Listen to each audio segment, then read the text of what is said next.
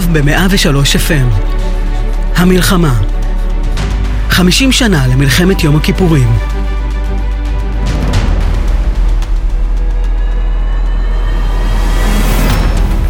שלום, כניסי משאל. במלאת 50 שנה למלחמת יום הכיפורים, נביא תיאור יומי של הקרבות שהתנהלו במהלך הלחימה. השתתפתי במלחמה הזו כצנחן באזור תעלת סואץ. ראיתי את זוועות המלחמה, את ההרוגים, שמעתי את צעקות הפצועים, חשתי את ההלם שפקד את כולנו, ובהמשך נחשפתי גם לעוצמת המחדל. הייתה זו המלחמה הקשה ביותר בתולדות המדינה. מלחמה ארורה שבעקבותיה הארץ שינתה את פניה ללא הכר. אנחנו יוצאים לדרך. היום הראשון, שישה באוקטובר.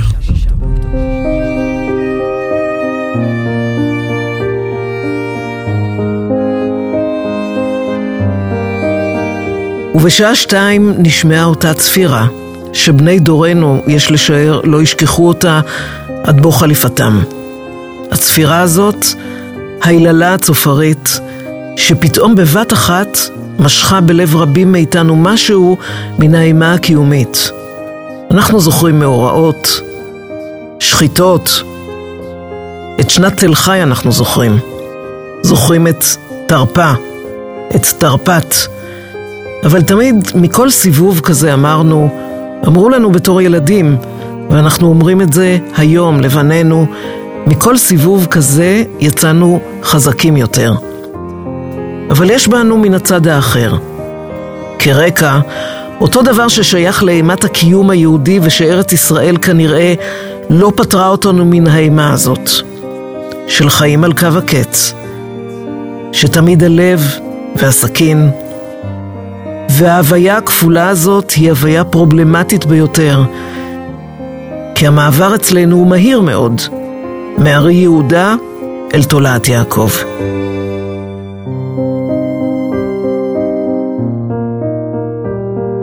מתוך דברים שאמר המשורר חיים גורי לאחר המלחמה. בעיצומו של יום הכיפורים פילחה את הדממה צפירת אזעקה שהדהדה בכל רחבי הארץ. חיילי המילואים הפסיקו את התפילה ורצו לאזורי הגיוס. ההפתעה הייתה מוחלטת. הדיווחים הכו את כולנו בתדהמה. בבת אחת תקפו צבאות מצרים וסוריה את ישראל. סמוך לשעה שתיים אחרי הצהריים פתחו צבאות מצרים וסוריה בהתקפה נגד ישראל. כוחות אדירים של צבא מצרים החלו לחצות את תעלת סואץ, מגובים בתקיפות אוויריות של מטוסי קרב, בירי ארטילרי ובמסוקים שהנחיתו כוחות קומנדו בחצי האי סיני. ובצפון פלשו במקביל כוחות סוריים רבים לרמת הגולן. ופתאום הגיע הטנדר הזה, וקרא את השם שלי ואספו אותי, ובאתי הנה, אני צריך לגייס כל החבר'ה עכשיו. צה"ל לא היה ערוך מול העוצמה של הכוחות המצריים והסורים, לא מבחינה מספרית ולא מבחינת אמצעי הלחימה. ההלם היה מוחלט, כי יום קודם לכן קבע ראש אמ"ן האלוף אלי זעירה כי הסבירות למלחמה נמוכה. לפיכך לא גויסו כוחות מילואים ולא אושרה תקיפה מקדימה של מטוסי חיל האוויר, דבר שהיה משנה את פני המלחמה כולה.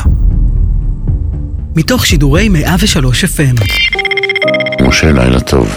היום, זה שישי לאוקטובר, אני עולה לשמור על הטנקים בסיני, בחטיבה 401, בגדוד 195, ואני צם, זה יום כיפור, יוצא שבת, זה יום כיפור, ובשעה 10 אנחנו שומעים פקודה, הפסקת צום, התחלנו לדור לכיוון סיני. הגענו לתעלה, ואז הטנק שלנו קיבל פקודה לעלות ראשונים לעמדה. ירינו לכיוון שרת גומי, פגענו בה, באנו לרדת וקיבלנו טיל סגר בצד שלי.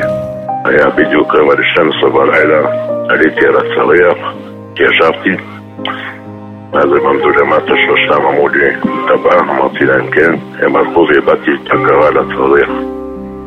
כן, אלכס, היום אני חוגג 47 שנה לפציעה שלי. וב-25 לאוקטובר זה יום ה... יום ההולדת שלי. היום השני, שבעה באוקטובר. בחזית הדרום והצפון תמונת המצב הייתה קשה ועגומה. המצרים המשיכו לחצות את תעלת סואץ והזרימו לסיני כוחות אדירים. במקביל הם תקפו מהאוויר מטרות אסטרטגיות, יחידות מודיעין, יחידות בקרה ויחידות קשר, ובכך הם הקשו על מפקדי צה"ל לקרוא נכון את תמונת המלחמה. אנחנו המילה, מוקפים עשרות טנקים ומאות חיילים שעולים עלינו לאט אבל בביטחון. קו המעוזים על גבול התעלה כותר מכל עבריו והמצרים הצליחו להשתלט על שורה של מעוזים.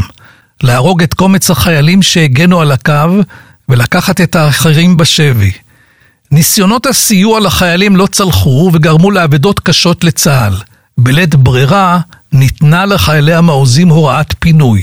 פירושה לסגת לאחור בכוחות עצמם. אני לא יכול להרים את הראש לראות מה נעשה. מבקש פינוי מיידי, דחוף, של הקודקוד שלי הפצוע בו. שישה באוקטובר, שתיים בצהריים. קיבלנו טלפון בהול שהורה לנו להיכנס לבונקרים. מעלינו, ממערב למזרח, מכיוון תעלת סואץ לכיוון סיני, ארבעה מטוסים בטיסה נמוכה. זאת הייתה הפתיחה. מיד לאחר מכן נפלו מסביבנו פגזים. אנחנו ישבנו בנקודה קצת מוסתרת, כך שלא יכלו לטווח אותנו.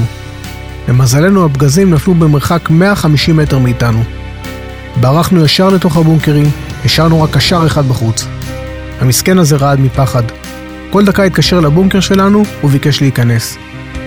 כעבור כמה דקות הופעלנו. ואז בלית ברירה יצאנו אל תוך ההפגזה. אז גם התחלנו לחוש מה זאת מלחמה.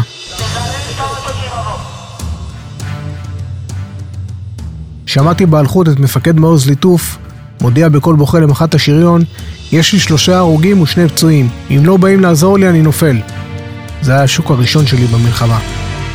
לקראת ערב יום ראשון, 7 באוקטובר, הקריאות של המעוזים נעשו תכופות ונואשות יותר.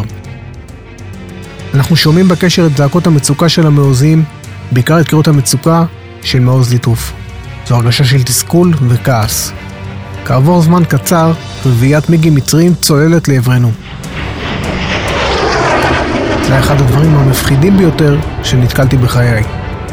זינקתי לכיוון השני וחפנתי את ראשי בחול. המיג בזוג הראשון שחרר לעברי רקטות והזוג השני ריסס עם הקליעים. שמונה מהחיילים נפצעו והשאר נכנסו לאימה. חלקם לא העזו לחזור לתותחים. שלושה מתוך ארבעת המיגים הופלו על ידי מטוסי חיל האוויר שלנו. מבחינתנו, זה היה מאוחר מדי. יומן מלחמה, פרץ שחר, היה במלחמה קצין צעיר בגדוד 402 בחיל התותחנים. גם ברמת הגולן התנהלו קרבות קשים. הסורים הצליחו בשל עדיפות מספרית להתקדם לתוך רמת הגולן ולהשתלט על שטחים נרחבים. מוצב החרמון, העיניים של המדינה, נכבש על ידי כוחות קומנדו סוריים ומרבית החיילים נהרגו או נפלו בשבי. היום השלישי, שמונה באוקטובר. יומה השלישי של המלחמה היה קשה במיוחד בחזית הסורית.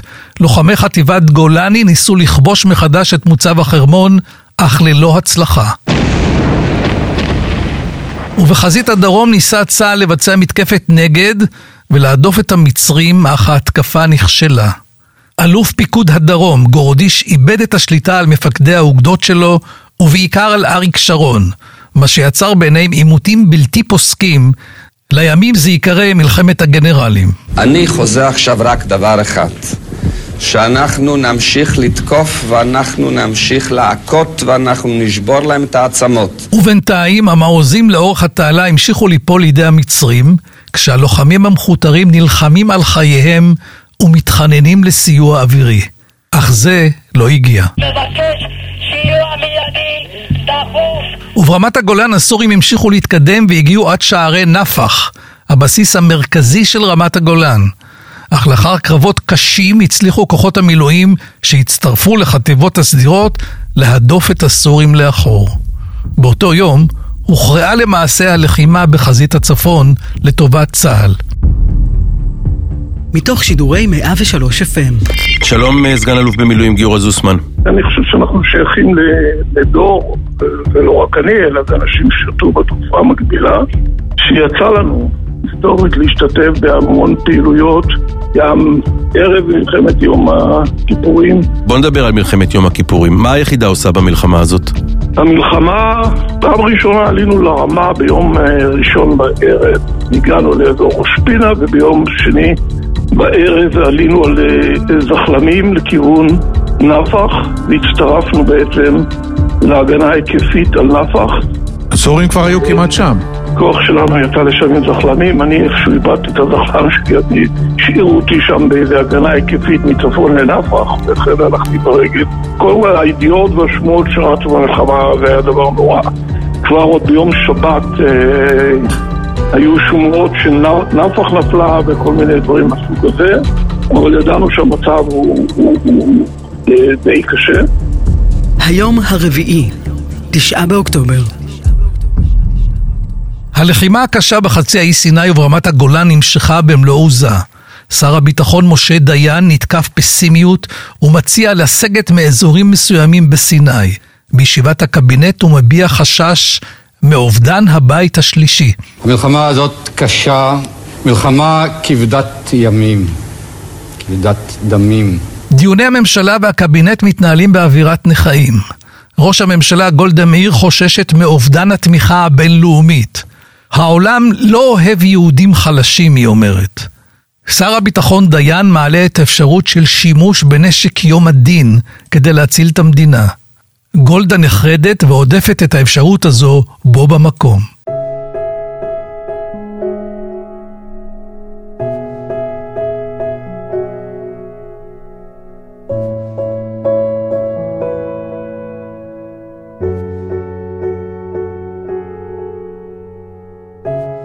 האווירה בדיוני הקבינט הייתה קודרת והיא נבעה בין היתר גם מהדיווחים הראשונים שהגיעו על מספר ההרוגים, הפצועים, השבויים והנעדרים. הציבור אמנם עוד לא נחשף לדיווחים האלה, אך השמועות החלו לזרום ברחבי המדינה ועוררו חרדה וזעם רב. ביממה האחרונה נמסרו ההודעות למשפחות השכולות על החללים והודעות על שבויים ועל נעדרים. לאחר ארבעה ימי לחימה בצפון הצליח השריון הישראלי להדוף את הכוחות הסורים, כשהקרבות בעמק הבכה נחשבים מאז לסמל לתעוזה, אומץ לב וגבורה.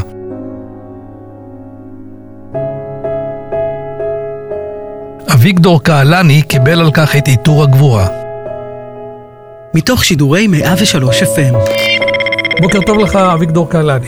בוקר טוב לך, ניסים משאל. אתה במהלך המלחמה הזאת נגעת במוות כמה פעמים. בוא נאמר לך, אנחנו הלכנו בתוך מסדרון המוות, ומהצדדים כל הזמן עפו פגזים שנגעו בנו, ו- ונגעו, ולפעמים נגעו, וחמקנו מהם, וחלק זה נגע בחברים שלי, בלוחמים שלי, והמפקדים שהיו תחת פיקודי, וזה השיג אותם. המוות הוא... היה פחד נוראי, אין אדם שאיננו פוחד בשדה הקרב. מטוס סורי טס מעל הטנק שלך, ו... אם היה לי נשק נגד מטוסים, סביר להניח שהיינו מפילים איזה 30-40, אני אומר בהגזמה בכלל. אה, מטוסים, הם, הם שחטו אותנו שם. היו לי שני מטוסים שירדו לי על הטנק, ואחד מהם עשה לי חור בקנה, השני פגע לי בכנף.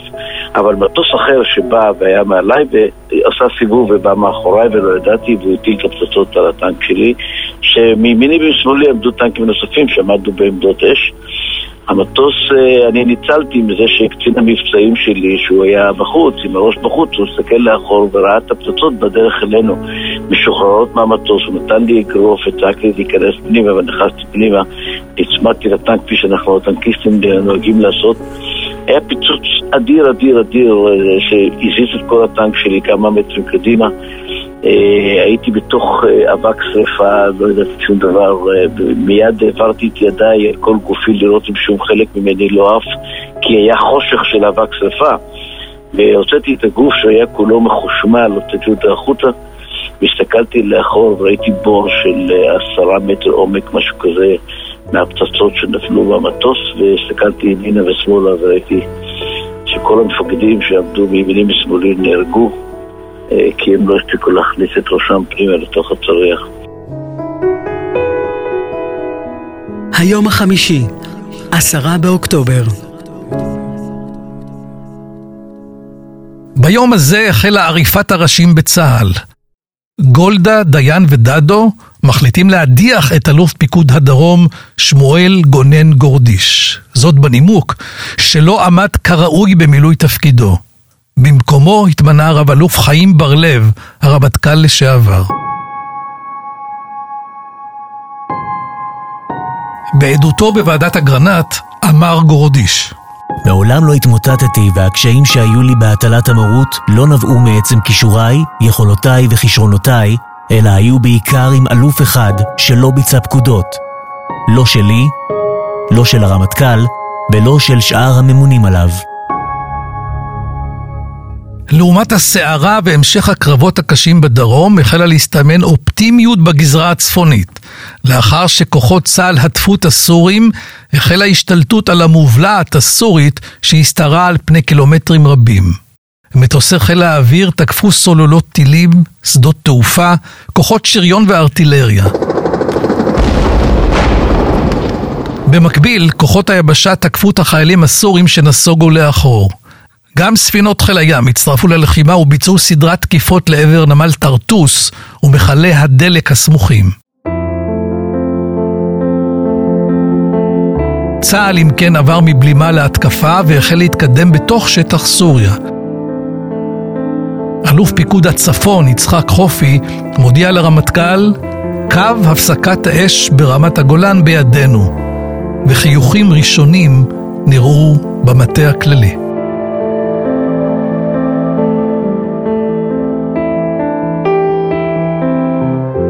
היום השישי, 11 באוקטובר.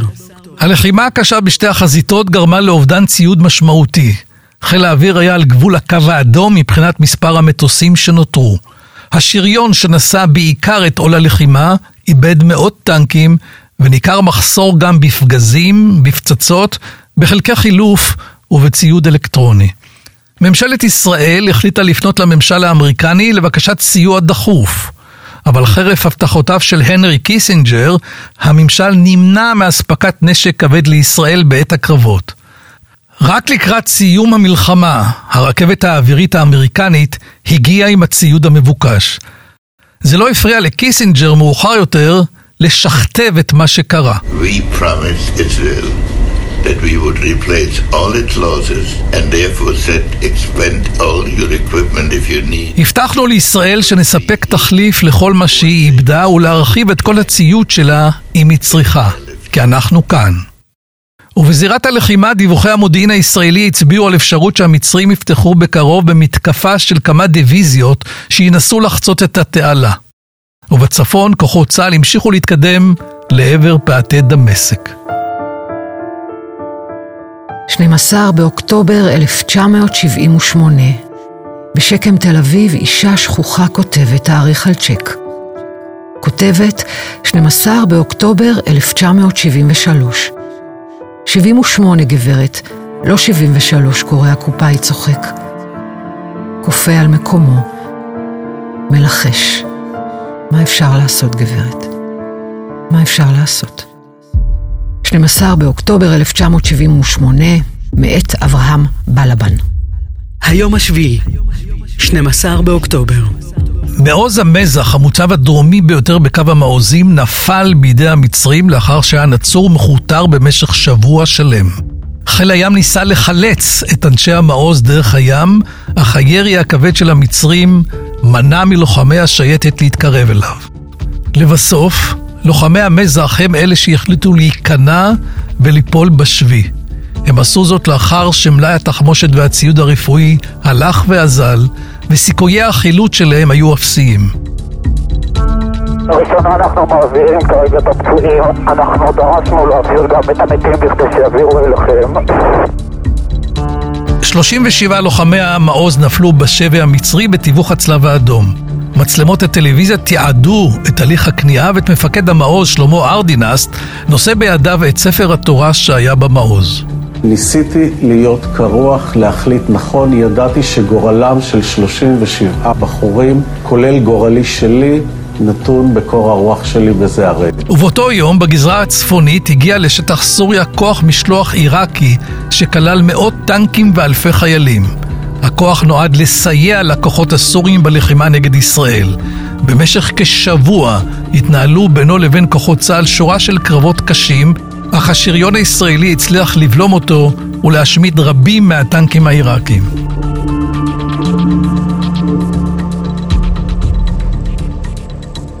היום השמיני, 13 באוקטובר.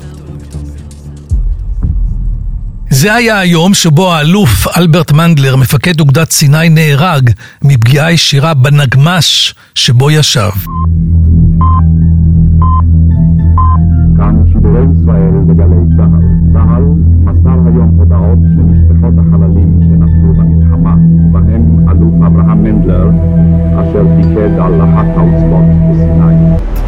את הפיקוד במקומו קיבל האלוף קלמן מגן.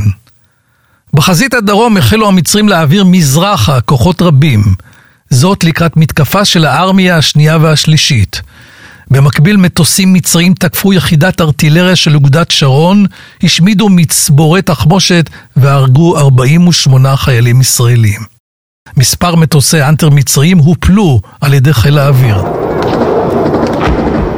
בשלב הזה ברית המועצות נכנסת לתמונה והיא מתחילה לצייד את צבאות מצרים וסוריה בציוד לחימה מכל הסוגים. עובדה זו גרמה לאמריקנים לשלוח לישראל רכבת אווירית שהחלה לנחות בארץ לקראת תום המלחמה והיא כללה אלפי טונות של אספקה, תחמושת, מטוסים, טנקים וארטילריה. מתוך שידורי 103 FM. שלום אביהו מדינה. בוקר טוב. אתה מלווה אותנו כל כך הרבה שנים, ולא ידענו שאתה גם אה, גיבור אה, ממלחמת אה, יום הכיפורים.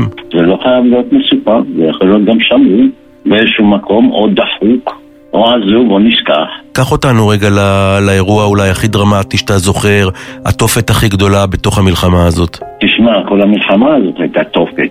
אלא שלי היה מזל, ואני אה, רק אה, מודה לאלוהים ששלח לי את המזל הזה להישאר בחיים ולצאת מכל אותם מקרי תופת בשלום, בריא ולא שריטה. אתה שריונר. מדהים אותי שהצלחת לשרוד את זה, אביהו, קראתי את זה. שתבין, הוא נוסע על טנק, נופלת להם פצצת ארטילריה על הטנק, מפרקת את הממ"מ, כל האחרים בהלם קרב, גומרים את המלחמה, אביהו ממשיך, כולו מרוח. אתה עברת כמה טנקים, לא? ארבעה. כל אחד חוטף פגיעה? בסופו של יום, מתוך הקרבות שבהם השתתפתי, אה, זה לא אומר שלא נפגעתי, אני, הטנק נפגע, אני לאו דווקא. איך אתה מסביר נכון? את זה? אני לא, אני לא יכול להסביר את זה. אני, אני, מאז אני מאמין בניסים. כי לא ייתכן שמתוך אה, 44 טנקים אה, של החטיבה, אה, ארבעה, ארבעה ישרדו, ארבעה ידועים, ואני הראשון שאקבל את הנ"ט. אבל אז אתה עובר אה, גיהינום של, אה, שלא נגמר, אתה כולם מתים מסביבך, אה, נופלים, הפגזים נופלים לך על הטנק, מפרקים, אני פשוט לא הצלחתי להבין איך אתה, איך אתה יוצא נורמלי מהדבר הזה. לא, לצאת נורמלי יצאתי נורמלי, ברוך השם. באמת? אבל אני, אני מאמין, אני לא יודע, מאז המלחמה אני מאמין בשמירה. היום התשיעי, 14 באוקטובר. זה היה אחד הימים הגורליים ביותר במלחמה. בשעת בוקר מוקדמת פתחו המצרים במתקפה כוללת של שריון, חי"ר וארטילריה, שמטרתה להתקדם כ-50 קילומטרים ולהשתלט על קו המעברים בסיני. בזכות מידע מודיעיני מוקדם נערך צה"ל מבעוד מועד והכין תוכנית שנועדה למשוך את הכוחות המצריים אל השטח שהיה בשליטת צה"ל. זאת במטרה להשאיר אותם חשופים למתקפות חיל האוויר והשריון הישראלי.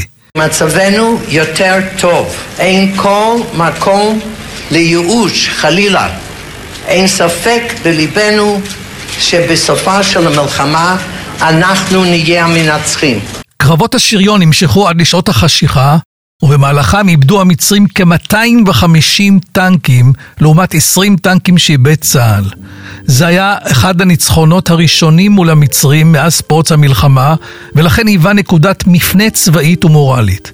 מאותו קרב עבר צה"ל לגישה התקפית, ואילו המצרים נשארו במגננה ולא יזמו מתקפות נוספות. זה ממש הייתה תחרות בין הטנקיסטים, מי יוריד יותר. הטנק שלי הוריד. צריך לציין שהקרב שהתנהל ביום הזה נחשב לקרב השריון השני בגודלו בהיסטוריה. הראשון התרחש במלחמת העולם השנייה. מתוך שידורי 103 FM. אלוף מילואים אמנון רשף, שלום. שלום לך. ערב טוב. במלחמה, מפקד חטיבה 14, נכון אמנון? נכון מאוד. בואו נשמע הקלטה קטנה מהאתר של חטיבת 14, חטיבה 14 מהמלחמה, הנה. כאן 40, האם בשפחה בסך הכל טוב? כאן 4, כאן 20, לא הייתי מגדיר אותו כטוב. אנחנו עכשיו צריכים להתארגן באזור קודקוד 3 נפגע ויחידת משנה שלו שעלתה על טרטור, עלתה על מערב יש אני כרגע מארגן שם את המצב עבור. זיהיתי את קולו של אריאל שרון, מפקד האוגדה? נכון. ואתה מדבר איתו? אני מדבר איתו, עוברת צמרמורת ברגע שאני מקשיב לזה, למרות ששמעתי את זה כבר עשרות פעמים. באיזה יום זה של המלחמה? זה ביום העשירי של המלחמה, ב-15 לחודש. אחרי החווה הסינית. למיטב זיכרוני השעה היא עשר וחצי בערב, אחרי שעה וחצי לחימה. אנחנו פרצנו לתוך החווה הסינית, היו לנו הרבה מאוד מפגעים, ואני מדווח לאריק על מצב הגדוד. היום העשירי, 15 באוקטובר. ביום הזה צה"ל עובר למתקפה. עם ערב התחיל מבצע אבירי לב שנועד לחצות את תעלת סואץ. משימת הצליחה הוטלה על אוגדת שרון. הצנחנים בסירות גומי צלחו באזור התפר בין הארמיה השנייה לשלישית ותפסו ראש גשר ממערב לתעלה. בחסות החשיכה ירד הכוח הזה בהחפה שפת האגם, יפרוץ כאן יחד עם חרמש וצנחנים ומיד אחריו חטיבת צנחנים תופסת כאן, נכנסת לחצר שכבר עברנו דרכה ומתחילה לעסוק בעברה ובונה את ראש הגשר. במקביל החל הקרב המר והעיקש על כיבוש החווה הסינית, כינוי שדבק בחווה חקלאית לשעבר, שהייתה ממוקמת בציר המוביל לנקודת חציית התעלה. המצרים היו ערוכים היטב באזור, דבר שלא היה ידוע למודיעין הישראלי. לכן במקום התפתח קרב ממושך שגבה מחיר דמים כבד. גם התגבורת וכוחות החילוץ שנשלחו לסייע ללוחמים נקלעו לירי מצרי מסיבי ומספר הנפגעים שלנו גדל מרגע לרגע. למעלה ממאה לוחמים נהרגו בקרב על החווה הסינית, שהיה קרב מפתח בדרך לצליחת התעלה. האם באזור טרטור 42 יש עוד כבדים שלנו עבור? האם אמרת סאגרים עבור? רות, הבנתי, איציק זה אהוד ברוק, זה אורות עבור.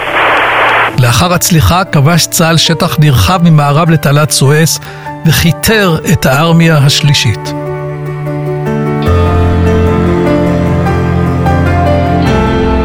מתוך שידורי 103 FM. בוקר טוב לעמרם מצנע, אלוף במילואים, בוקר טוב לך. בוקר אור. קח אותנו, אוקטובר 73, המלחמה מתחילה, אתה מוצא את עצמך בחווה הסינית. אני לא זוכר ייאוש. למרות באמת ריבוי הנפגעים וחברים שנהרגים מימינך ומשמאלך, אני לא זוכר ייאוש. אני זוכר שבכל השלבים, למרות הקשיים הנוראים, ואני איש אופטימי מטבעי, אה, הרגשתי שאנחנו יכולים לנתח גם את המלחמה הזו. ובאמת, בליל ה-15-16, כשמתבצע המהפך הזה וחוצים את התעלה, יש הרגשה שהנה, מתחילים להתקרב למה שיכולנו להפגין ולעשות במלחמות אחרות הרבה יותר טוב. בשלב הזה פונית לבית חולים כי נפצעת. אני פונ... כן, אני פוניתי לבית חולים בבוקר ה-16 לחודש, ואני זוכר כשאני מגיע לבית חולים, על אלונקה, כולי שחור, מפיח, מלא חול, ומסביבי צובעים המון אנשים שרצו לקחת חלק בהתנדבות לעזור לפצועים, הם כולם היו מאוד מודאגים, ואני אומר להם, אל תדאגו, יש כבר כוחות שלנו מעבר לתעלה, מה שעוד לא פורסם אז. ו- ומרגיש שאני בא עם איזושהי בשורה מהחזית. היום ה-11, 16 באוקטובר. פקק תנועה גדול מעכב את התקדמות הכוחות שהיו בדרכם לחצות את התעלה. גשר הדוברות והגלילים נתקעו בדרך, ולעזרת הכוחות הצולחים הובאו התמסכים, מעין מעבורת שהורכבה מכמה כלי רכב אימפיביים ועליהם צלח גדוד טנקים לצד המערבי של התעלה. אריק שרון כאן 40, מבקש ממך לבצע את ישימתך העיקרית מיד, אני חוזר מיד. הלוחמים שכבר חצו את התעלה פשטו יחד עם הטנקים על בסיסי טילים מצריים, ובכך אפשרו לחיל האוויר לפגוע במטרות עומק במצרים ולשבש את צירי האספקה של הצבא המצרי. צליחת כוחות צה"ל לעומק מצרים סימלה את המהפך במלחמה, מהפתעה ובלימה לתקיפה ולניצחון. זאת ועוד, הצליחה ביטאה את רוח הלחימה ואת כושר ההתאוששות של צה"ל, שהיכה את המצרים בתדהמה. כאן 40, זול וקדימה מיד עם הרצום עבור. ובחזית הצפון, בשטח סוריה, נמשכו הקרבות בין חיילי צה"ל לחיילי כוח המשלוח העיראקי שהסתיימו בניצחונם של חיילי צה"ל. מעתה, הדרך לדמשק הייתה פתוחה.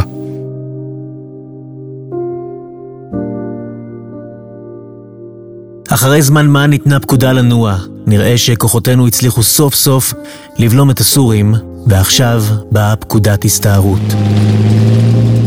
בתחילה הייתה הנסיעה שקטה. הדבר היחיד שהדאיג הייתה השעה המאוחרת. לאט לאט נכנסנו לשטח קשה מאוד, אבנים עצומות הקשו על התנועה. קשה היה לקרוא לזה הסתערות, הייתה זו זחילה על האבנים. לא ירינו, כי לא היו מטרות. לפתע, דיווחים על ירי ארטילריה וגם טנקים. היו התפוצצויות בסביבה. בדיוק אז, דמם הטנק. וכמעט התיישבתי על אבן עצומה. למזלנו, היינו עם האף למעלה. שחררתי בלם בהילוך, שחררתי את המצמד, והטנק התעורר. חששנו לנוע כשמסביב יורים. דנון צעק בקשר להתפרס, לנוע מהר ולירות על הסורים. ברק לא ראה שום דבר. נסענו כנראה בשטח לא טוב ונחות יותר, ולא היה באפשרותנו לנסוע כמו דנון.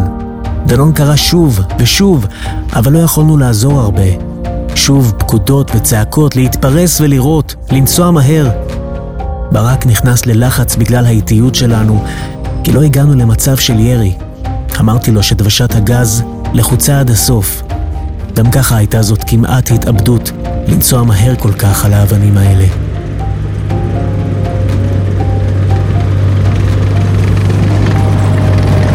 התקדמנו.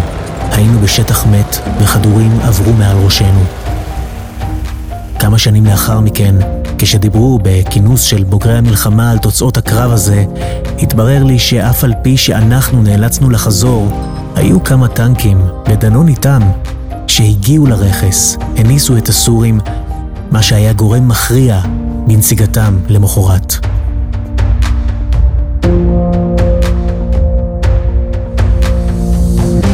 יומן מלחמה של אלחנן בן נון, חייל שריון בחטיבה 679, שהשתתף בקרב.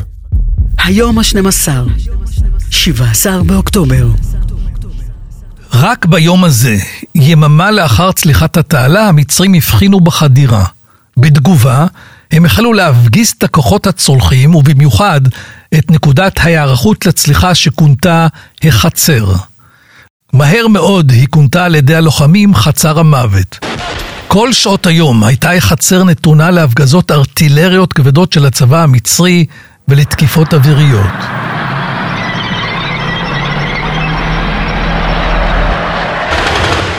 כמעט כל מערך הקרב של חיל האוויר המצרי נשלח לאזור כדי לסכל את הצליחה. חיל האוויר הישראלי ניהל מעל אזור הצליחה קרבות אוויר מול מטוסי הקרב המצריים והפיל עשרות מהם. מספר קילומטרים יותר קדימה אל התעלה מתנהלים עתה קרבות שריון וחיל רגלים. הללו פורצים נתיב אל התעלה דרך מערכי האויב. צליחת התעלה שינתה אומנם את פני המלחמה וגרמה למהפך, אבל קרבות הצליחה גבו מחיר דמים כבד. יותר משלוש מאות מפקדים וחיילים נהרגו במהלך הצליחה. שורה ארוכה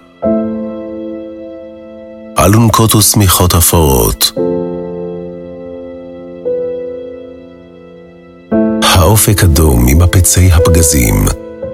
רעמי תותחים מתגלגלים, וכאן אין עוד שעון קרב.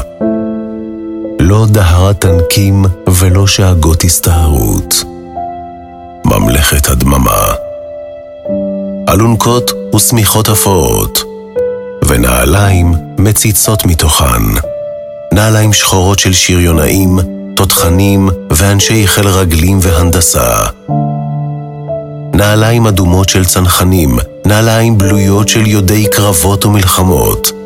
ותיקים שבוותיקים אשר דרסו את כוחות מצרים וסוריה עוד לפני שנים. ונעליים חדשות של דור שלא ידע עוד מלחמה. אלונקות ושמיכות אפורות, ובגדים חמוצים מדם מציצים מתוכן, סרבלי טיסה אפורים של טייסים, אשר חשו אל מותם במהירות הכל. סרבלים בגון הזית אשר בלמו בגופם, בגופם, את נחשולי הפלדה של צבאות ערב, ואוכלו באש המלחמה. מדיהם של צנחנים אשר זינקו אל מול גלים, גלים, גלים של חיילי אויב שעמדו זקופים אל פני טנקים דוהרים למולם, ועמדו, ועמדו, עד שקרסו תחתיהם.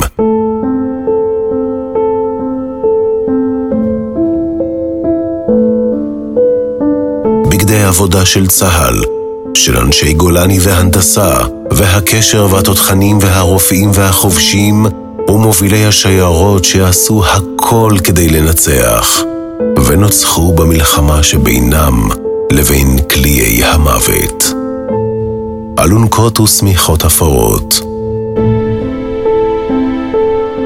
ופנים מציצות מתוכן, פנים אילמות של קצינים בכירים, שעמסו על כתפיהם משך שנים ארוכות את מסע הביטחון של נערים זה מקרוב באו בשערי בסיסי הטירונים, ועיניים, עיני לוחמים שקבעו בסערת האש. בני מזרע וילידי בית השיטה, תושבי תל אביב, ירושלים וחיפה, יוצאי סביון ושכונת מוסררה ונווה מגן ושכונת התקווה, אלונקות ושמיכות אפורות, שותקים כאן בממלכת הדממה. שותקים גיבורי המעוזים בסואץ, לוחמי החרמון, נועזי הגולן, צרובי האש מן החווה הסינית בסיני. אכולי הלהבות מראש הגשר בגדה המערבית, המתנפצים מגבהים אלי קרקע ויורדי המצולות, שותקים בממלכת הדממה. על האלונקות, מתחת לשמיכות האפורות. ורק מעינינו זולגות הדמעות. מתוך ממלכת הדממה, כתב איתן הבר. היום השלושה עשר, שמונה עשר באוקטובר. לאחר מספר ימי לחימה קשים, כבשו כוחות מאוגדת שרון את מתחם החווה הסינית, ובכך נפתחה הדרך שהובילה לנקודת חציית התעלה. במקביל, גם אוגדת האלוף עדן חצתה את התעלה, התקדמה בתוך השטח המצרי, כבשה והשמידה בסיסים מצריים, השתלטה על שדה התעופה פאיד, והחלה להתקדם לעבר אסמאעיליה וסואץ. היום אני יכול לומר שיש לנו כבר כוח גדול הפועל בצידה המערבי של תעלת סואץ. הרמטכ"ל דוד אלעזר. אנחנו ממשיכים להתקדם בשני צידי התעלה ואנחנו עושים את זה במשולב, כוחות השריון וכוחות האוויר.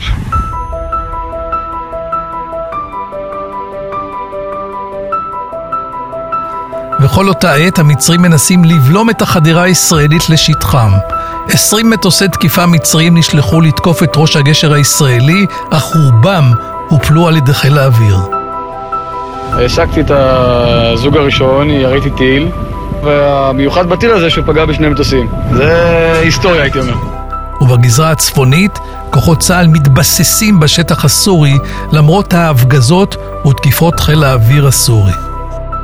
מתוך שידורי 103 FM. צלחת את התעלה. נכון, וזה אף אחד לא זוכר. לא, זה? לא נכון, זה לא נכון, זה לא נכון. לא, הגנרלים נלחמים, אבל איפה החפ"שים, כל החיילים הפשוטים שאכלו את הזבל ואת הקש ואת הפשלות של הגנרלים, מי אכל? אנחנו, ואנחנו ניצחנו במלחמה. כל הזמן מדברים שהפסדנו והמצרים ניצחו אותנו, אבל תדע לך, זה מלחמה שאנחנו ניצחנו אותם. וזה בתוכי, כאילו זה היה אתמול. אתה לדורות זה. הבאים שלך מנחיל את המורשת הזאת? ברור, אני יש לי אנדרטה, איך אני איתך? אני יש לי אנדרטה ביד לשריון שכתוב השם שלי, אני כבר רגוע. את שלי עשיתי. היום הארבעה עשר, תשע עשר באוקטובר. כוחות צה"ל מצליחים להרחיב את האחיזה בתוככי מצרים.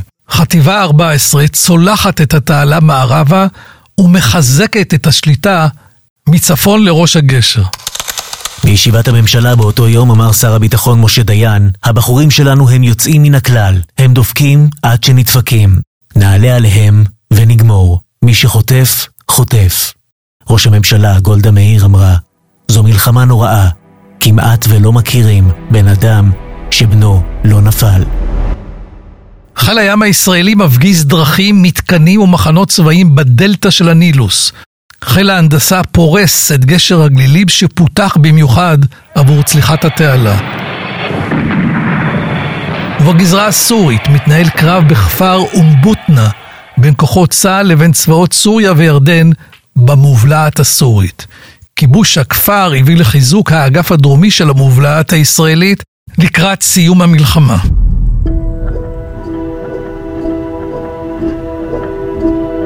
היום החמישה עשר, עשרים באוקטובר. כוחות צה"ל הגיעו למבואות העיר אסמאעיליה ונעו לכיוון העיר סואץ. כוחות שריון אחרים החלו לכתר את הארמיה השלישית המצרית שנפרסה ממזרח לתעלה כבר בימי המלחמה הראשונים. מתוך יומן מלחמה. כשהתחלנו בהכנות, הגיע אליי ירון גבעתי, צוער מקורס קציני השריון, וביקש לדבר איתי. פנינו הצידה, והוא אמר לי, רמי, תבטיח לי שתחזיר אותי חי מהקרב הזה. התפתלתי וחככתי לשנייה בדעתי מה לענות, ולבסוף אמרתי, ירון, אנחנו חזקים, נתגבר ונצליח. אני סומך עליך ואתה עליי, ויהיה בסדר. לא הצלחתי לקיים את בקשתו של ירון גבעתי. הוא נהרג בלילה במבצע חילוץ הפצועים לאחר מכן. אלוף משנה במילואים רמי מתן, מ"פ בגדוד 79, בזמן המלחמה. ובגזרה הצפונית, למרות תקיפות רבות של חיל האוויר הסורי, המשיכו כוחות צה"ל להתקדם עד שהגיעו למרחק 40 קילומטרים מדמשק. חיל האוויר חבר לכוחות, ביצע שורה של תקיפות עומק בסוריה והשמיד סוללות טילים שמנעו מחיל האוויר חופש פעולה.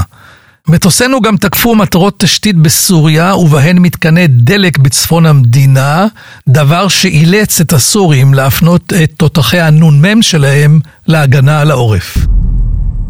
היום השישה עשר, עשרים ואחד באוקטובר. ממש בדקה ה-90, כשסוף המלחמה נראה באופק, כבשו לוחמי גולני מחדש את החרמון הישראלי, ובמקביל השתלטו הצנחנים על החרמון הסורי. בכך הושגה המטרה הצבאית האחרונה של ישראל. ובחזית הדרום התבססו חיילי צה"ל בגדה המערבית של התעלה, אפריקה, כך כונה האזור שבו שהה צה"ל עד לפברואר 1974.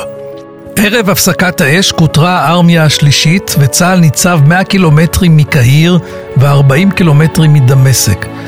המלחמה אשר החלה בתנאים הקשים ביותר מבחינת ישראל הסתיימה בניצחון צבאי מוחץ.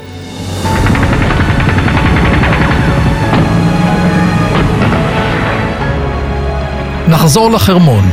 הקרב שניהלו לוחמי גולני היה עיקש והירואי. הוא התנהל רוב הזמן מטווחים קצרים, לא אחת מטווח אפס, מעמדה לעמדה. המפקדים נפגעו בזה אחר זה, עד שהחיילים מצאו עצמם נלחמים לבד.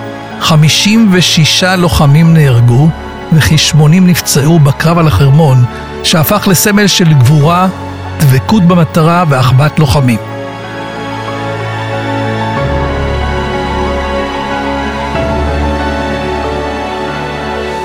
לאחר הקרב רואיין בטלוויזיה הלוחם בני מסס, שטבע את הביטוי "העיניים של המדינה", ביטוי שדבק מאז במוצב החרמון. הכניסו לנו את הדבר הזה לראש, שאנחנו לא יורדים משם, עד שלא לא רואים את הדגל של גולני ודגל ישראל שם למעלה. ואתה מאמין שזה חשוב? בטח שזה חשוב, זה העיניים של המדינה, ככה אמרו לנו. היום השבעה עשר, 22 באוקטובר. כוחות צה"ל בחזית הדרום המשיכו להתקדם על כביש סואץ קהיר וניתקו את הקשר היבשתי שבין העיר אסמאעיליה לעיר סואץ.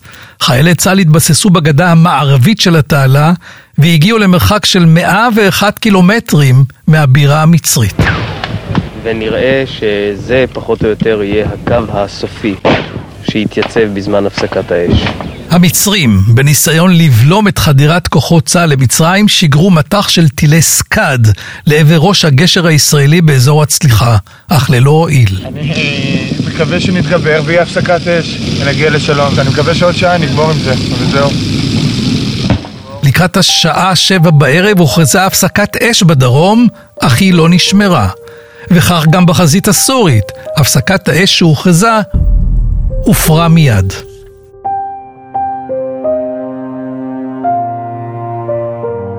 שמש אוקטובר מחממת את מתינו. העצב הוא לוח עץ כבד. הדמעות, מסמרים. השמש סובבת סביב הארץ, כן. הארץ שטוחה כלוח אבוד וצף, כן. יש אלוהים בשמיים, כן. אין לי מה לומר על המלחמה. סגרתי את עצמי. שמש אוקטובר, יהודה עמיחי, 1973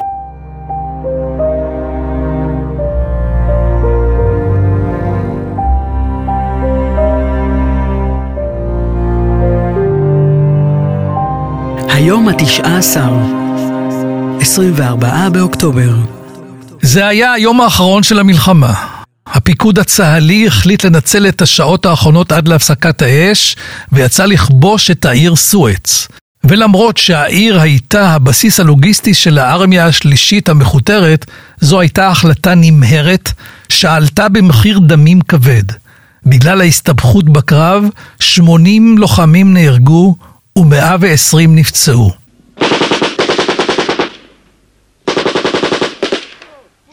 שעות מעטות לאחר מכן הוכרזה הפסקת האש.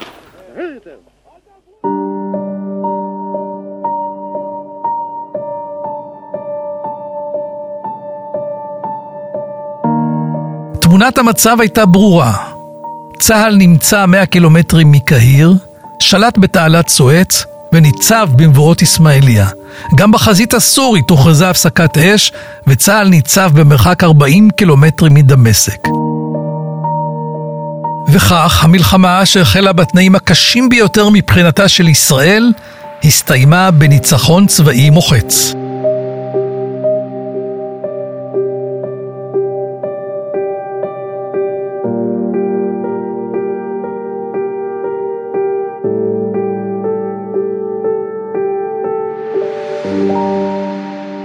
היום שלאחר המלחמה.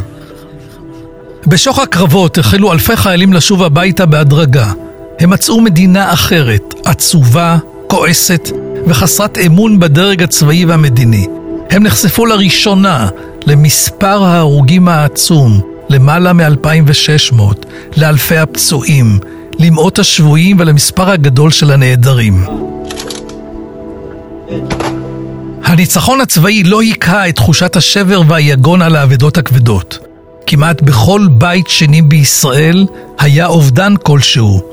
אב שנפל, בן שנפצע, אח שנפל בשבי, בעל נעדר, או חבר שחזר הביתה ועיניו כבויות לעד. הזעם על המחדל המודיעיני והתסכול מהאופן שבו נוהלה המלחמה הולידה גל של מחאה אזרחית נגד הממשלה ולאחריו הוקמה ועדת חקירה ממלכתית, ועדת אגרנט. ולמרות שהוועדה לא הטילה אחריות על הדרג המדיני, אלא רק על הדרג הצבאי, גולדה מאיר התפטרה מראשות הממשלה, ואחריה התפטר גם משה דיין, שר הביטחון. שלוש וחצי שנים לאחר המלחמה התחולל המהפך הפוליטי הגדול שבעקבותיו נבחר מנחם בגין לראשות הממשלה. מלחמת יום הכיפורים שינתה את ישראל לנצח. חלפו חמישים שנה מאז, והיא נותרה בבחינת צלקת כואבת. צלקת בת חמישים. למלחמת יום הכיפורים אבי נשלח, ולא ירה, ולא נורא, ולא צנח. אבל שלושה ימים היה מושלך בבור בלב מדבר, תחת שמי אש וענני ישן, כשלצידו חייל מצרי שמת מזמן. למלחמת יום הכיפורים אבי נשלח, ושלושה ימים לא אכל, ולא שתה ולא עצם עיניו, ואני כותב זאת עכשיו, כדי שלעולם לא אשכח.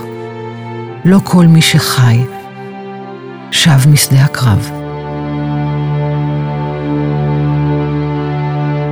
הבור, מאת אלי אליהו.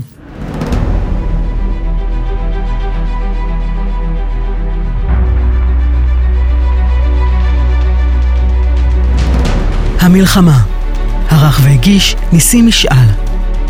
ערך לשידור יניב מורוזובסקי. קטעי קריאה ענת דוידוב, איריס קול, אוהד ארקין, סער פלסנר, יניב מורוזובסקי ורעות מתתיהו ארגון. קטעי ארכיון, מתוך שידורי 103 FM, ארכיון צה"ל ורשות השידור. על הדיגיטל, שני רומנו ועמיתי דואק. ניתן להזין להסכת המלחמה באתר וביישומון 103 FM ובאפליקציות הפודקאסטים המובילות. ספרו של ניסים משעל, המלחמה, עכשיו בחנויות הספרים.